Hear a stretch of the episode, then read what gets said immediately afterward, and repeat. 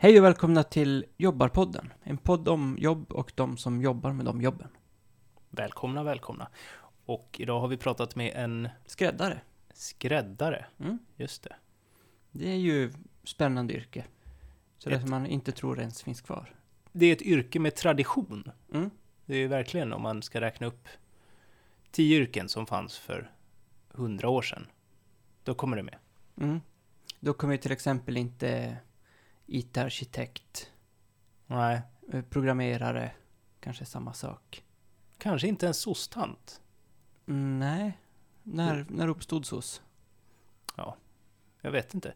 Men i alla fall, det är gammalt och fint. Det ska bli spännande. Vi, vi kör ju vanligt, eh, som vanligt kör vi igång med, med lite babbel eh, om någonting annat. Just det.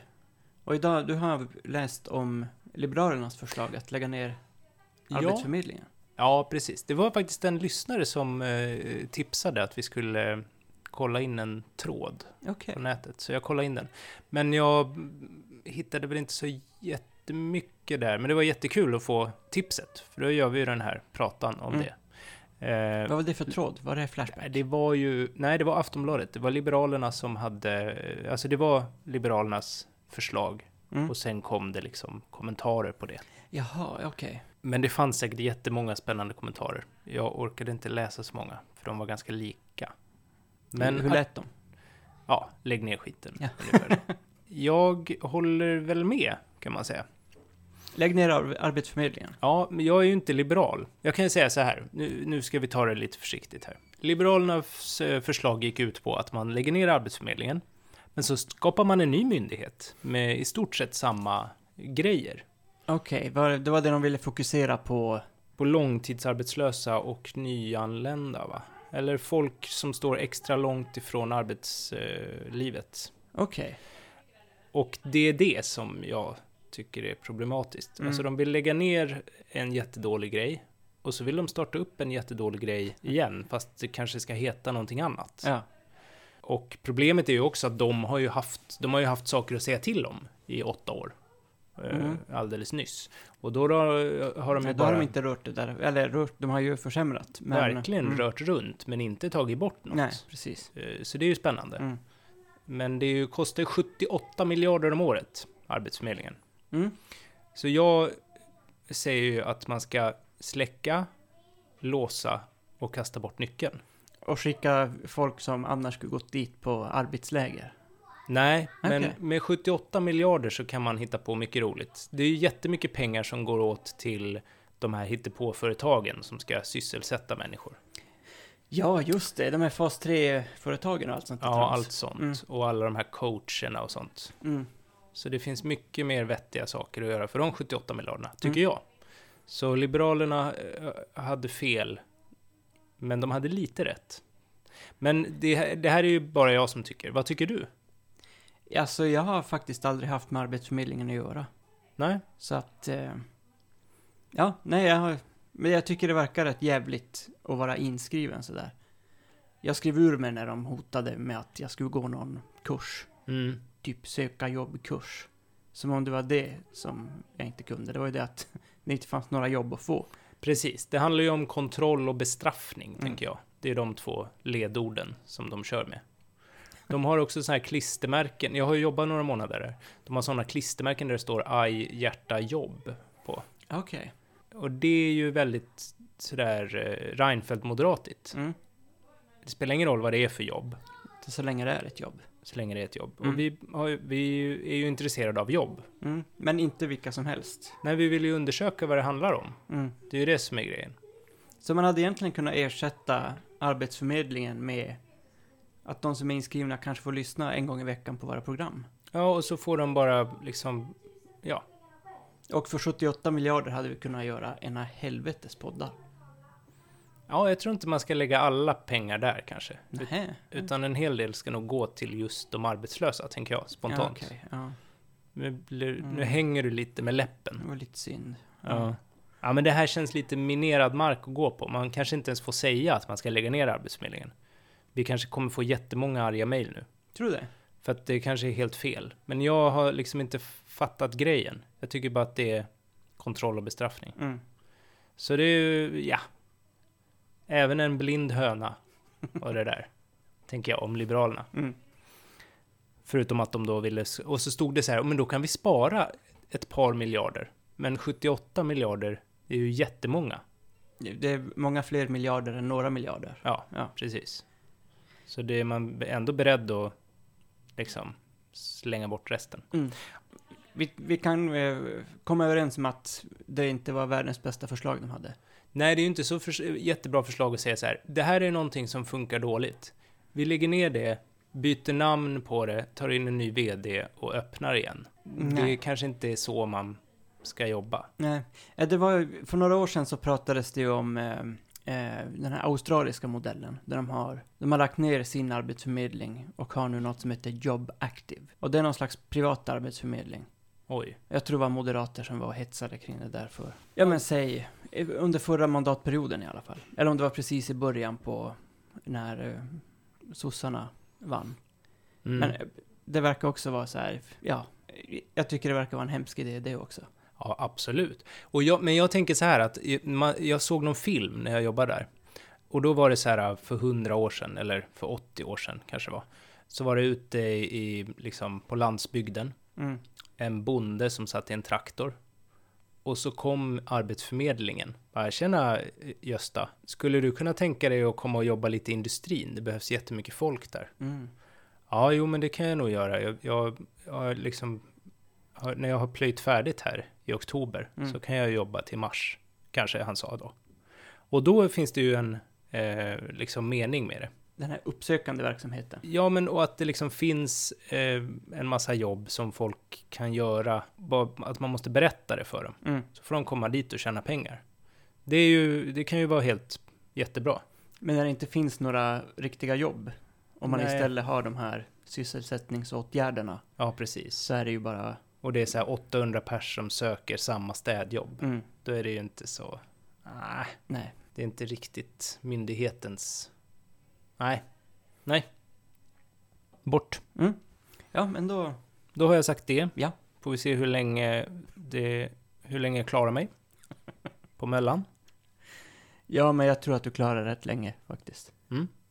Bra. Mm. Och nu då, så har vi det här med straffarbete. Just det. Det är ett eh, fiskerijobb Ja. i Söderhamn. Ja. Söderhamn ligger alltså typ vid Gävle. Ja, södra Norrland. Mm. Mm. Inte riktiga Norrland. Men ändå inte så, det är inte något blomstrande fint eh, skidorts-Norrland. Så. Nej. Ehm, där kan man i alla fall söka jobb som fiskare på land. Mm. Eh, eftersom att det krävs eh, utbildningar och lite utav varje för att få jobba på sjön. Mm. Men då på land, vad gör man på land med fisken? Ehm, där rensas den ju, den körs i olika maskiner och behandlas på olika sätt. Ja. Och det är de maskinerna man ska rengöra. Och det är de verktygen i renseriet som man ska se efter och rengöra. Aha. Och man ska även rensa fisken. Dessutom ska man ha tillgång till egen båt. Vad ska man med egen båt till då?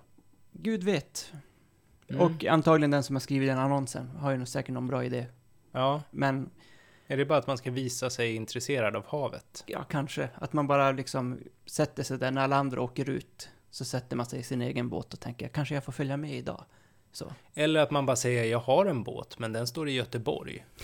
ja, ja, men det spelar ingen roll. Bara du har en den. båt så vet vi att du är intresserad av havet. Ja, nej men det här är... ehm, förra veckan hade vi det här militärjobbet. Mm. Då jag tror att man mest bara ligger ute på en blöt myr. Mm. Och det här är nog nästan värre.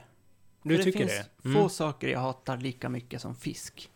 Jaha, Så ja. vansinnigt vidrigt. Redan där alltså. Ja. Det- Det är redan själva produkten som Ja. man hanterar. Mm. Så det hade ju varit hemskt då om, eh, om jag hade behövt gå till Arbetsförmedlingen och så kastar de fram den ansökan. Så men sök det här. Du är Mm. från Norrland kanske han säger.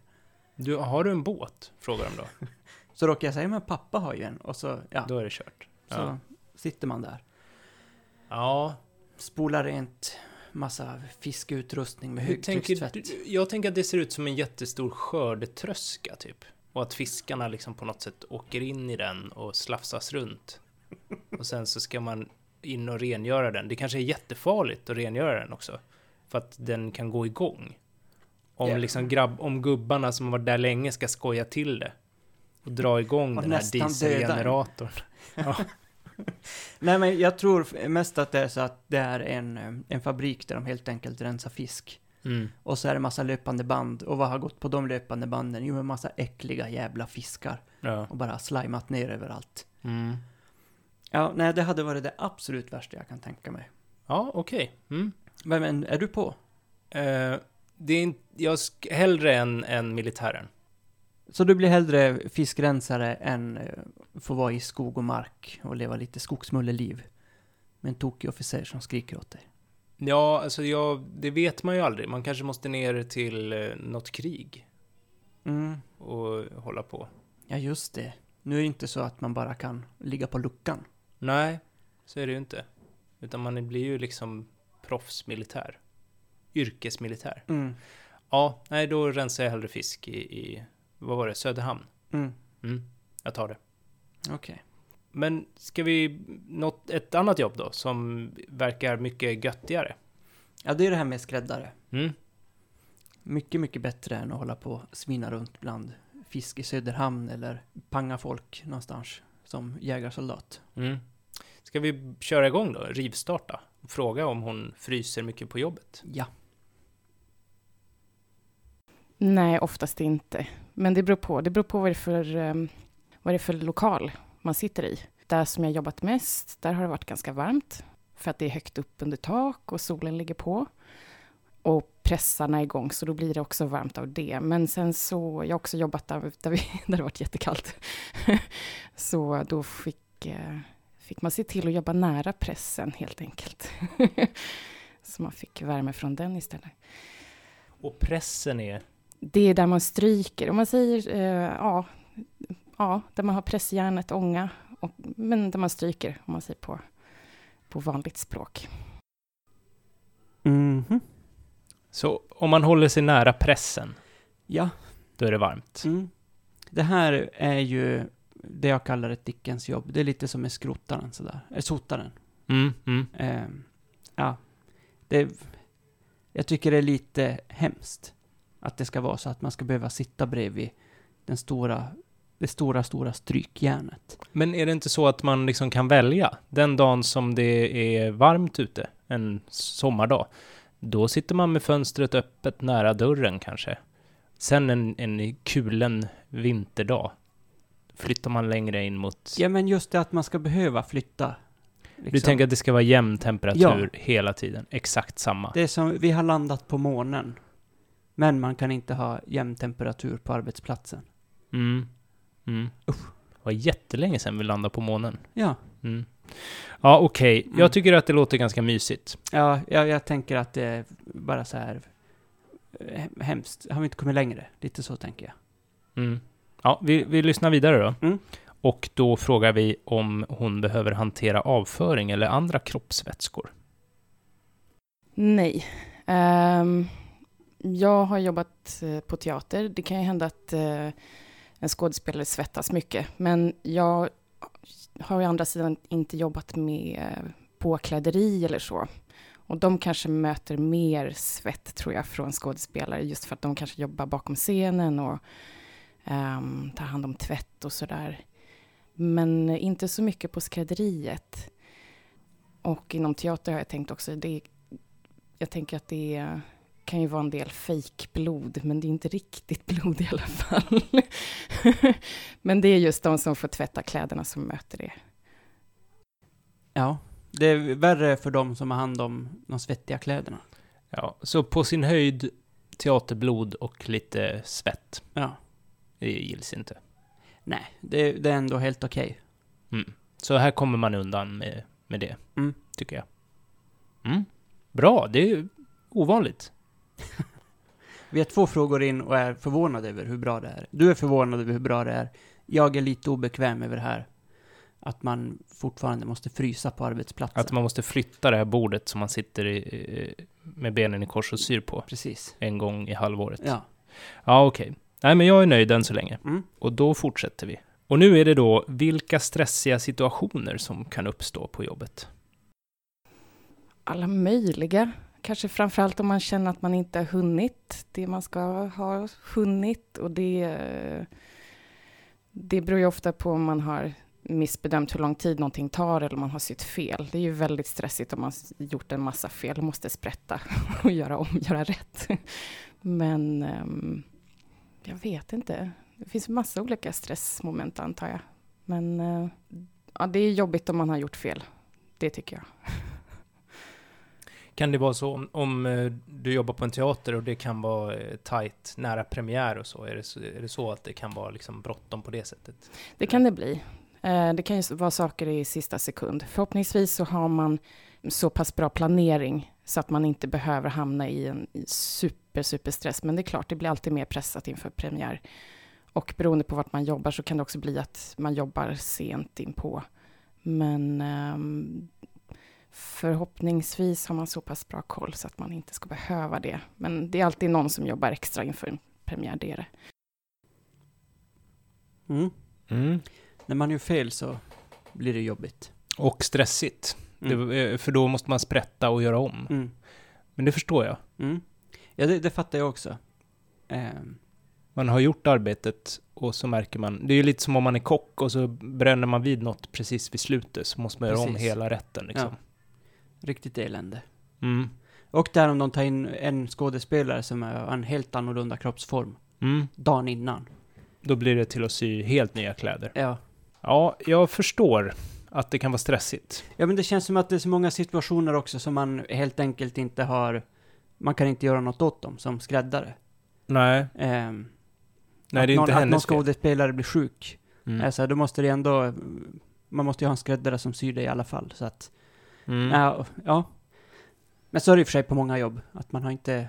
Om man inte är typ President of the Universe, vilket ju ganska få är, så har man ju liksom... Man kan inte styra allt själv. Nej, just det. Mm. Så, så det, är, det kan vara stressigt. Man mm. kan... Jag får lite klump i magen när jag tänker att jag skulle märka så här att jag hade sytt. Nu är ju inte jag skräddare ännu. eh, så om jag skulle liksom... Det är, min, det är minst hundra veckor bort. Ja, mm. så om man skulle liksom till exempel sy en klänning och så märkte man att halva sidan liksom hade man sytt AV på något sätt. Du fattar? Eller liksom att man hade gjort två vänstersidor eller något sånt. Jag vet inte, men det finns ju många sådana och då skulle man ju, lite sån, jag får lite ont i magen av den tanken. Ja, jag, jag tror att det mer handlar om så här att det kanske liksom smiter åt på ett ställe eller inte smiter åt, nog mycket på något ställe. Att mm, det inte okay. är så här att fan, jag gjorde två vänstersidor. Så man kanske behöver sprätta 10 centimeter då, tänker du? Ja, och se om. Och så kan det vara flera sådana. Mm. Inte just att man gjorde en halv klänning eller något sånt där. Nej, och då har man liksom tagit slut på allt tyg.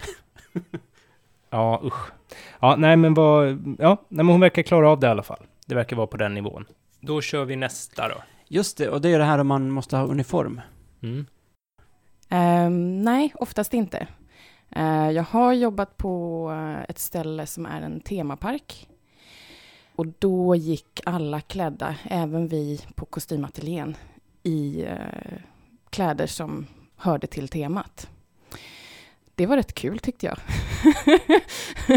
Men lite speciellt, för vi jobbar i långkjol och så, så att just det här att röra sig från maskin till arbetsbord och alltihopa, det tar lite längre tid. men, men det var ganska kul tycker jag ändå. Men, för jag tänker att man kan ha något så här bälte, med något så här verktygsbälte typ. Mm, nej, faktiskt inte. Eh, men det skulle man ju kunna ha. Det är ju en bra idé. Men det, jag har inte sett någon som har det. Um, någon kollega jag haft har jobbat med förkläde på sig just för att här, skydda sina kläder och så. Men um, ingen uh, uniform, det är det inte. Men vad var det här för temapark? Var det någon så här uh, industri-live eller? Eh, alltså. det var High Chaparral. så vi var ju klädda inte som cowboys, utan som eh, man skulle kunna tänka sig kanske någon sorts stadsbo. Det vill säga, en, ja, men hur skulle en sömmerska kunna se ut 1870-ish? Ja. ja. Ja, det beror på om man jobbar på High Chaparral, då får man ha. Då måste man klä ut sig. Ja. Så om man inte behöver klä ut sig, då behöver man inte uniform? Nej. Eh, jag är ganska obekväm med att klä ut mig. Okej. Jag känner mig utklädd i en vanlig kostym. Som Mm. jag själv har provat ut och sådär. Ja, jag med. Eh, så just att vara skräddare på High Chaparral är inte ett gig för mig kan jag säga. Det hade Nej. varit väldigt, väldigt obekvämt. Ja, jag skulle nog vilja mm, prova innan jag ropar hej. Okej. Men Jag, jag, jag tänker tycker... det finns ju andra skräddarjobb som, ja, vi kommer ju in på det mer. Mm, precis. Eh, man behöver ju inte ha den där Lucky Luke-utstyrseln Nej, alltid som skräddare. det hade de ju inte riktigt. Men, Ja, men det blir ju lite Lucky Luke av alltihop. jag tycker att det var kul att hon sa att jag hade en bra idé. Hörde du det? Nej, det filtrerar jag bort. Vilken var det? Jaha, nej men det var att man skulle ha ett verktygsbälte. Ja, just det ja. Mm. Där man kunde ha sin sax och sin nål. Jag och... trodde att man hade på sig ett sånt här läderförkläde. Och sen en stor sån sax. Mm, Tygsax och fingerborgar och... precis. Allt det måste man ju ha någonstans. Ja.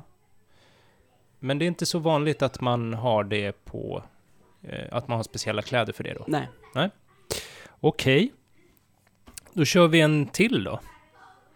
Finns det en auktoritet som står över henne? Mm. Mästarskräddaren. Mm. Ja. Och det är ju framförallt, det är ju kostymchefen. ehm, som basar över ateljén, om man säger så. Eh, som bestämmer hur, vad vi gör och hur det läggs upp. Men ja, nej men sen är det ju ganska olika hur, det, hur stor ateljé man jobbar på. Jag har också gjort, som frilans så har jag gjort eh, uppdrag som kostymör till exempel. Och då är man allt där själv. Man är både kostymör och skräddare och inköpare och alltihopa. Så då är man ju sin egen egentligen. Fast man jobbar mot eh, föreställningen och regissören och så. Brukar kostymchefen vara skräddare då, i grunden, eller? Ja. Skräddare eller jobbat med kostym. Ja, de flesta är nog skräddare. Ja. Vad säger du? Är, är det bekvämt för dig? Ja, det är väl sånt man får ta. Det är ju en mäster då, Mm. kan man säga. Ja, ja, men det kan man ju säga. På, på den arbetsplatsen blir det någon slags mäster. Mm. Någon som har jobbat med det länge och kan sin sak. Men inte... jag, jag tänker att det är lite samma sak som med arkitekten förra veckan. Mm, precis. Att det är lite jävligt då, tänker jag, att man är inte den enda som har den spetskompetensen. Mm. Så då kan den här kostymchefen säga att nej men, så där ska man ju faktiskt inte det här. Ja, fast jag tänker att det är bra också för att den chefen då vet ju vad den snackar om. Till skillnad från de här chefcheferna, Donald Trump-cheferna. Som Som bara bara liksom... ska lägga ner, eller? Ja, precis. Så det här är ju bättre. Mm. Absolut. Okej, det tycker jag. ja. Ja, nej, men jag, jag tar det än så länge. Okej. Är du, är du på? Ja, alltså det är inte det värsta jobbet jag har hört om. Det är det inte. Verkligen inte. Nej. Nej, men vad bra. Vi, Mm. vi är ju ganska överens. Vi kör vidare. Ja, och då är frågan om hon har ansvar för någon annans välbefinnande. Jo, men jag tycker att, om man säger så här, kostymen är ju någonstans styrd utifrån vad kostymören vill ha. Det är ju den som har gjort en design och en idé om, om hur kläderna ska se ut. Men sen så försöker man ju också alltid samarbeta så att eh, skådespelaren mår bra och trivs i sina kläder. Om till exempel, det kan vara allt möjligt, men det kan vara om skor klämmer. hitta en bättre sko eller lästa ut en sko eller någonting. Så att jag menar någonstans så, det kanske inte är så jätteallvarliga grejer, men man vill ju ändå se till att skådespelarnas arbetskläder funkar, skulle jag säga. Sen är det kanske den enskilda skräddaren, någonstans så kanske det blir den som är kostymchef eller kostymkoordinator eller så, som har eh, ett tyngre ansvar där, att verkligen se till. Men, ehm, men man gör ju sitt bästa för att göra komfortabla kläder. Mm. Jag tycker att man kan, eh, precis som våran intervjuade, påstå att hon har ansvar för någon annans välbefinnande. Mm. För det vet man ju hur det kan vara när man har en kliig tröja. Ja, eller när nålarna sitter kvar i kläderna. Ja, just det. Det har jag aldrig varit med om, tror jag. Ja, Jag var det någon gång när jag var liten, när morsan sydde kläder. Ja, okej, hon sydde kläder till dig. Ja, alltså inte alla kläder, så. Så du fick Vi hade det inte... skräddarsytt. Ja, så kan man säga. Ja. Mm, det låter bättre. Mm, Än det att vi tycker jag hade också. det väldigt, väldigt fattigt. För det hade vi inte. Nej. Men ja, så kunde det vara kvar så här. Eller det var mest när man skulle prova. Då var jag livrädd för att jag skulle bli stucken av någon nål. Jag tror Ja, aldrig jag ja. blev det, men ja. Mm. Men så det tänker jag, att man vill ju inte glömma kvar nålarna från när man har stress sprättat och sytt om där. Nej, just det. För då tar man kanske inte riktigt ansvar Nej. för någon annans välbefinnande. Men och att, ja, att kläderna är sköna att ha överhuvudtaget måste ju vara väldigt viktigt när man faktiskt jobbar i dem så. Som, Ja, eh, precis. Som skådespelare. Mm. Mm. Ja, det var alla kortfrågor. Ja, och då gick vi in lite på det här med hur stor arbetsplatsen kan vara. Ja, eh, hon jobbar ju på Stadsteatern här i Malmö. Mm. Eller hon har jobbat på lite olika ställen Mm. eh, som skräddare. Men Liksom, hur, många, hur många skräddare finns det? På varje skräddararbetsplats? Eller Mm. på varje, på en specifik teater i alla fall. Ja. Typ. Det beror på. Där som jag har jobbat mest, där har vi varit eh, egentligen fem stycken som varit fast och sen så någon extra som har varit jag då. Sen det finns både större och mindre skrädderier. Det gör det. Så det finns ju, jag vet inte hur, hur stor de största är men det finns nog mycket större. Det gör det. Är det på Stadsteatern du jobbar? Jag har varit på Stadsteatern, det har jag. Mm. Okej, det är såklart stora skillnader. Ja. Och eh, jag tänker att de som jobbar för, på H&M's fabriker i Kambodja, Där har de ännu fler. de, och de är inte riktigt skräddare. Nej, och de har nog inte gått utbildningen kanske heller. Nej, Kanske inte har gått klart grundskolan. Nej precis. Nej. Men det här är ju eh, personer som jobbar på institutionsteatrar och sånt. Mm. som i Sverige. Så vi bryr oss, vi tänker på er i Kambodja, men vi har intervjuat en svensk, eller en arbetare i Sverige. Ja, det har vi gjort. Precis. Bra, då har jag, vi bara så att vi har klargjort det. Ja, jo, nu, nu Mm. är det klart. Är det klart nu? Ja. Okej. Och här kan det då, även här kan det skilja sig. Om man jobbar på Stadsteatern eller om man jobbar på någon ännu större teater. Stadsteatern i Malmö är det ju då, ska vi Mm. också lägga till. Precis. På Dramaten i Stockholm har de nog säkert... Fler, Fler. kanske. Mm. Ja. Och kanske Operan i Stockholm har ännu fler, det vet vi inte. Ja, nej. Och kanske att det finns någon liten fri teatergrupp som bara... Inte har någon alls. Nej, precis. De måste sitta och sy egna kläder. Eller kanske om de har tur, kanske de kan låna skräddarens, köpa några timmar hos skräddaren. Mm.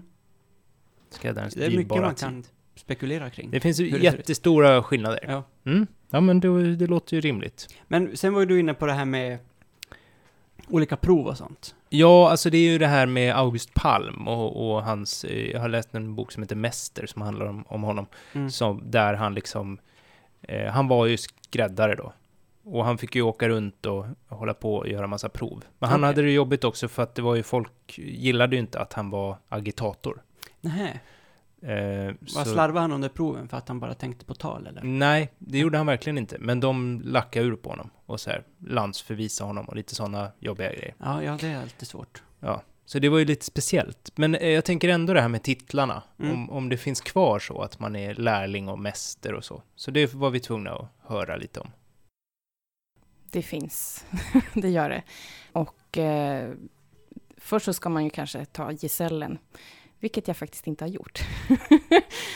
Eh, jag har gått en skräddarutbildning, det har jag gjort. Den var inte tillräckligt lång för att jag skulle få ta gesällen. Och då finns det så att säga, man kan bli eh, herrskräddare, damskräddare eller klänningsskräddare. Så man kan ta gesällen in, inom något av det. Jag har jobbat så pass brett inom olika, så jag har liksom inte specialiserat mig så mycket. Eh, mest inom herr, men inte tillräckligt för att ta gesällen än. Men jag brukar säga att jag är teaterskräddare, just i och med att jag jobbat inom teatern ändå. Eh, där finns det inte en specifik gesäll just för det. Men om jag skulle säga att jag, något är mitt område så är det ju just teaterskrädderi. Och jag har ändå jobbat inom det i, det tre år nu. Så jag känner ändå att jag vågar säga det. Sen så eh, har man tagit gesällen och det gör man genom att man gör ett prov på tid eh, och så syr man ett specifikt plagg. Inom herrskrädderi så är det en herrkavaj då som sys på traditionellt sätt mycket handsömnad eh, som man skickar vidare så att den som undersöker om man gjort rätt och så. Sen så kan man som sagt också ta eh, mäster eller mästarbrev. och där vet jag inte exakt hur det funkar, men då ska man ha jobbat ett antal år. Så får man ansöka om det, så att säga. Jag vågar inte säga vad provet går ut på där, men eh, det är någon, någonting man ska göra där också. Men jag tror inte att det är ett sömnadsprov på samma sätt. Det är någonting annat. Um, har man tagit gesällen, då, då har man någonstans bevisat att men jag, jag klarar av de här momenten på ett godkänt sätt eh, på tillräckligt snabb tid. Um, så det är ju ett sätt att visa att ja, men jag, jag klarar den här standarden. Um, så det är klart, det är, det är en fördel för mig att ha gesällbrevet. Jag vet inte om det skulle påverka min lön. Det vågar jag inte säga. Jag tror egentligen inte där som jag har varit att det skulle påverka. Hur lång tid har man på sig med det här provet? Jag tycker det låter jättestressigt. ja, och jag måste bara, och samtidigt då, få, är det så att man får en, liksom, en rulle tyg och en sax och en nål och så bara, nu. Eh, det funkar så att eh, man ska sy, det är egentligen bara sömnaden Eh, man får göra all tillskärning först, så att säga, och förbereda sig och ha alla bitar, allting, allting framlagt och framdukat färdigt. Och sen så har man 50 timmar, tror jag att det är, på sig att sy eh, en herrkavaj. Och sen så ska man också sy eh, slag till frack, eh, ska man sy, som separat då, ett litet prov också. Men det är 50 timmar i sömnad på det. Och sen så kan man då få avdrag om det är så att man har gått över tiden Eh, och sådär. Ja, invecklat. Men det... Så det är en samlad poäng man får liksom? Som, ja, det, det är det. Om jag har förstått det rätt. Jag har inte gjort provet än som sagt, men, men det är precis, man får som poängavdrag om man går över tiden till exempel, eller inte gjort tillräckligt bra um, detaljer. Men måste man, som du då, ha gått utbildning och så för att eh, ens få gör, liksom ta upp någon eh, skräddares tid med att sitta i 50 timmar och kontrollera, eller liksom? Ja, ja, det är tre års utbildning. Uh, min utbildning som jag gick var två och ett halvt, så helst skulle jag ju gått någonting innan dess för att kunna göra det här provet. Och ja, jag vet inte, vi får se. Det kanske jag gör någon gång framöver. Men tills dess så jobbar jag på, kan man säga. Mm, det är många prov det här. Ja, först ska man gå tre år i skola mm. för att få göra det här gesällprovet. Och då ska man sitta i 50 timmar. Tänker du också att man sitter det i sträck? Ja, alltså jag tror säkert att det är ganska många som sitter i princip i sträck. Alltså två dygn lite drygt? Ja. Och sy i två dygn? För hand då, är det ju? Ja, mestadels verkar det vara för hand. Ja, på gesällprovet verkar det bara vara det, eller? Ja, vad var det hon sa? Alltså att det är mycket så här eh, med klassisk kostym. Mm. Herrkostym så är det mycket handsömnad. Ja, hur skulle du klara dig om du fick, om du var tvungen att göra det provet nu ikväll? Nu, då hade det nu, ja det hade nog inte blivit en kostym tror jag. Nej. Kanske en jätteliten enkel kostym. För jag tänker en sån här tygapa eller någonting. Ja, okej. Okay. För jag tänker att, att om man, man har ju alla bitarna mm. upplagda på ett bord. Så det är ju lite pussel. Alltså man kan ju tänka så här, ah, men den där borde ju vara där. Så du menar att det här provet är rätt enkelt? Ja. Nej, jag skulle, jag, jag skulle inte klara det bra. Nej. Jag skulle ju klara det riktigt dåligt. Tror du du skulle få godkänt? Men det skulle, nej, absolut inte. Nej. Men jag skulle, det skulle vara spännande att se om man skulle få ihop ett plagg som gick att ta på sig överhuvudtaget. Förstår du? Om man kan räkna ju, ut... Ja, det är ju själva, vad ska man säga? Um, Syftet med kläder ja, överhuvudtaget. Det, man ska åtminstone kunna ta på sig det. Annars är det inte kläder. Nej. Nej. Men en säck hade jag kunnat sy på 50 timmar. Det vet jag redan nu. Ja, men det är ju i stort sett bara en rak sömn, eller? Ja. Sömn? Sömn. Jag hade faktiskt eh, syslöjd i, på högstadiet. Mm, det hade jag också. Eh, men jag, tror, jag kom bara ihåg att jag virkade, eller som jag stickade en jätteful mössa. Mm. Jag hade inte, ja. ja det, det var inte så här gesällprovskvalitet, kan man säga. Nej, okej. Okay. Slöjd, både trä och sy var mina favoritämnen. Okay. Så jag tycker det är roligt. Men jag är jättedålig på, jag skulle ju absolut inte kunna sy en kavaj. Ja, någon sorts självkännedom har jag ju ändå. Tro det eller ej. Men eh, ja, Så i, Men alltså, Jag det låter ju lite som en eh, OS-gren. 50 timmars sömnad. Och vi skulle få avdrag då för tid. Vi skulle gå över tiden förmodligen. Och vi skulle inte göra tillräckligt bra detaljer. Nej, de här slagen till frackarna till exempel. Där känner jag att jag hade nog... Då hade jag nog nästan hellre sytt en eh, kostym. För det vet jag i alla fall hur det ser ut. För annars är man så säga, jaha, var det där den skulle vara? Lite så. Precis, är det Ja. inte där nere vid skorna? Längst ner på benen de ska sitta? ja, just det. Ja, vi, vi eh, kom fram till då att det här, det här blir svårt. Så Mm. vi frågade om man kan fuska sig förbi det här. Jag, no, jag tror att det är svårt. Då får man jobba, man får nog jobba ganska hårt för att liksom verkligen ta sig in och bli och kunna kalla sig skräddare. Det tror jag. Sen så beror det väl lite grann på vart man jobbar, om det är ja, men, något väldigt litet ställe eller men någon form av utbildning ska man ha.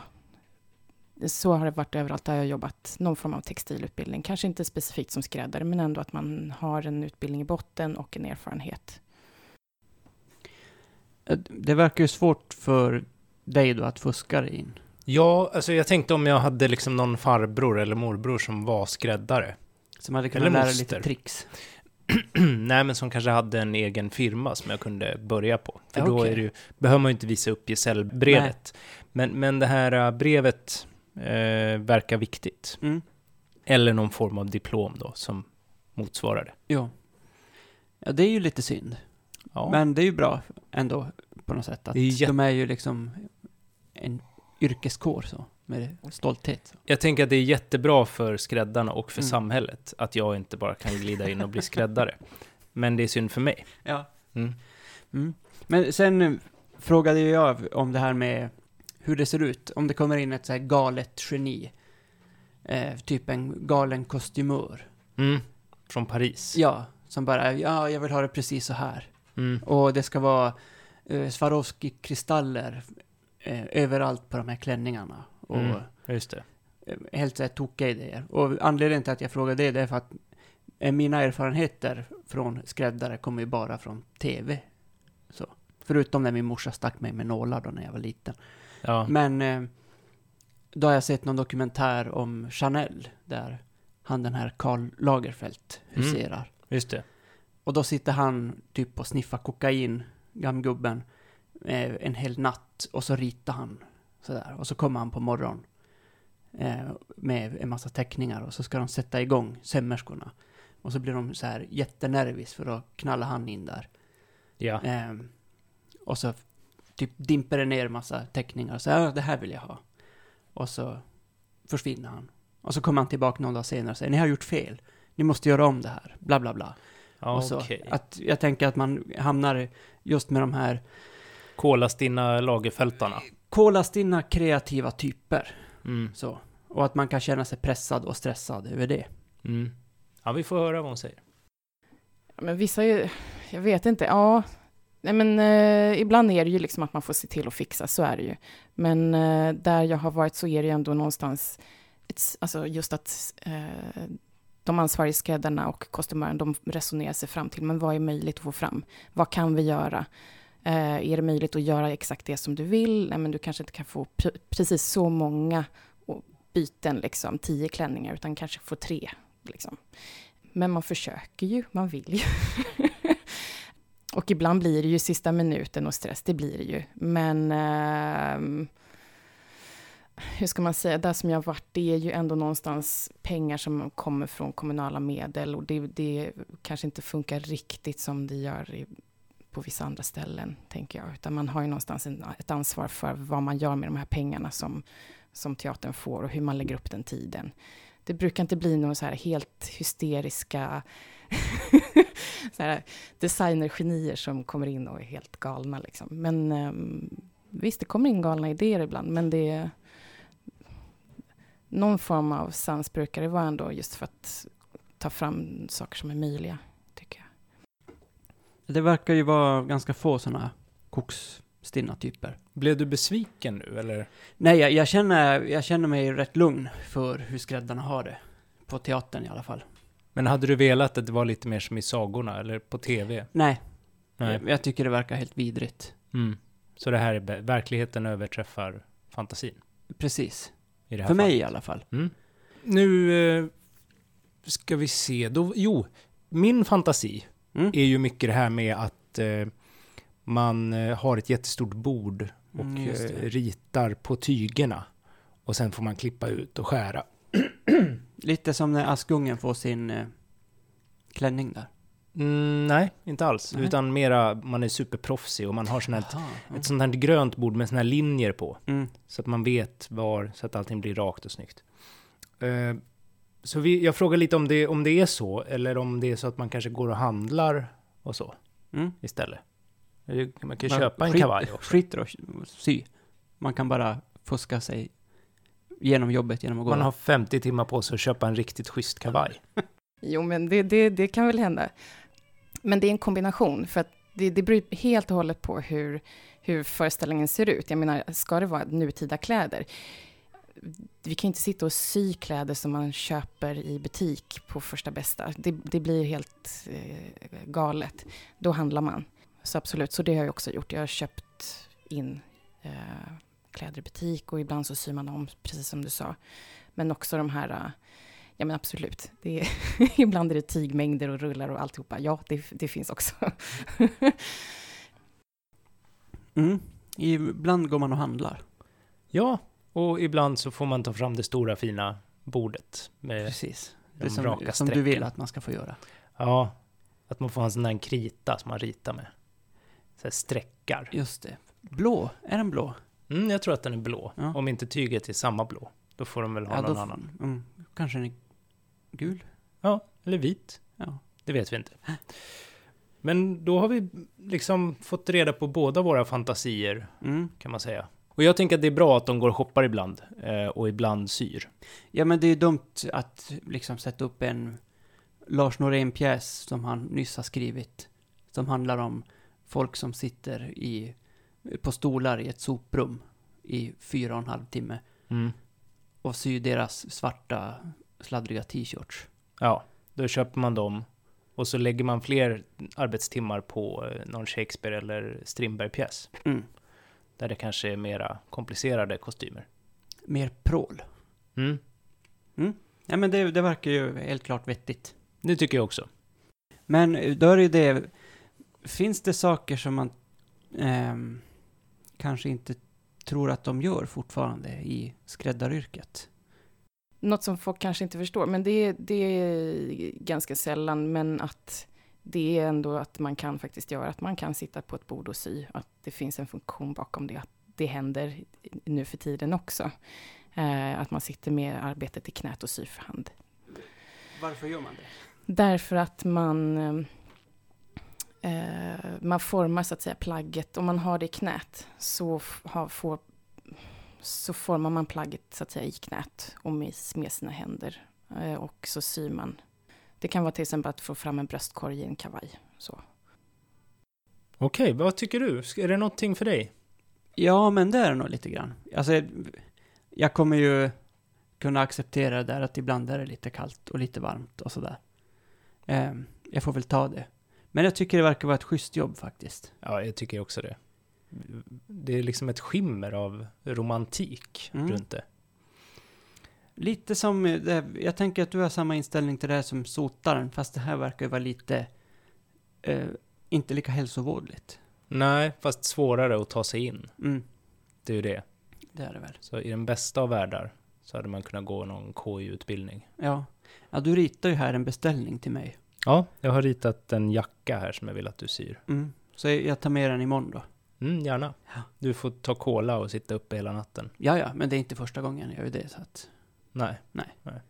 Har du, skulle du vilja berätta om en riktigt dålig dag? Mm, det är väl det att eh, jag har suttit uppe hela natten och eh, koksat.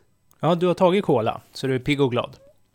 Är precis pigg och glad och så kanske inte så där, jag tror att jag är jättefokuserad, eller har varit fokuserad under natten, men så visar det sig när jag kommer på morgonen att det var jag inte alls. Mm.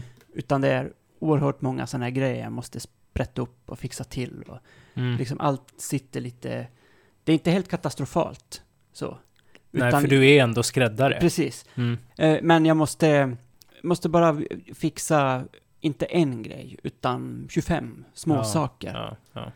Och så kommer dessutom eh, det här kreativa geniet in, typ regissören, kommer in och säger ja men det blir inte Lena Olin, utan det blir eh, Helen Bergström. Mm, just det. Det skiljer 20 centimeter där. Något eh, sånt. Mm. Alltså, och då är det så här, jaha, vad ska jag göra då? Ja, då får jag sätta igång och fixa det dessutom. Och så Mm. blir det då ännu mer koks och så fortsätter det bara så. ja. Så eh, riktigt illa. Det låter väldigt tight. Mm. Mm. Ja, jag förstår. Ja, det verkar jobbigt. Men en riktigt bra dag då? Ja, men då tänker jag att det kommer in den här eh, trevliga regissören. Och säger att eh, nu, Spring på H&M och nu köp. ska ni få... Nej, inte Nej. alls. Utan nu får ni göra någonting speciellt. För vi vet inte riktigt hur det ska bli det här. Ni får tänka lite själva. Men kanske någonting med fjädrar, säger de. Och så får man bara börja rita och ha med en massa fjädrar. Plocka kycklingar. Ja, Ja. Nej, det gör någon, det, man köper ju fjädrarna. Okej. Så de är redan plockade. Mm. Och så får man eh, hitta på och liksom sitta med sina kompisar och eh, skratta på bordet och limma fjädrar. Ja. Ja, det tycker jag vore soft. Det, ja, det låter, det låter kul och spännande. Mm. Mm. Bra. Så vi är båda positivt eh, inställda till yrket skräddare. Ja. Då eh, lägger vi ner podden, eller? Nej, vad är det? Det är två yrken vi hittat. Tre. Ja, nej, vi det här kan... är ändå det här, tjugonde avsnittet. Det är ju... ja, och det går inte att fuska sig in. Nej, det är ju ett problem. Okej, vi gör så här. Vi gratulerar alla som har valt yrket i tid. Och så letar vi vidare. Precis. Mm. Och har ni något tips på ett yrke där det bara fuskar sig rakt in? Eh, som dessutom, om ni har lyssnat på några avsnitt som skulle kunna passa oss, så får ni ju jättegärna höra av er. Mm. På Instagram eller Facebook eller mejla oss ja, tack för att ni lyssnade. Tack, tack.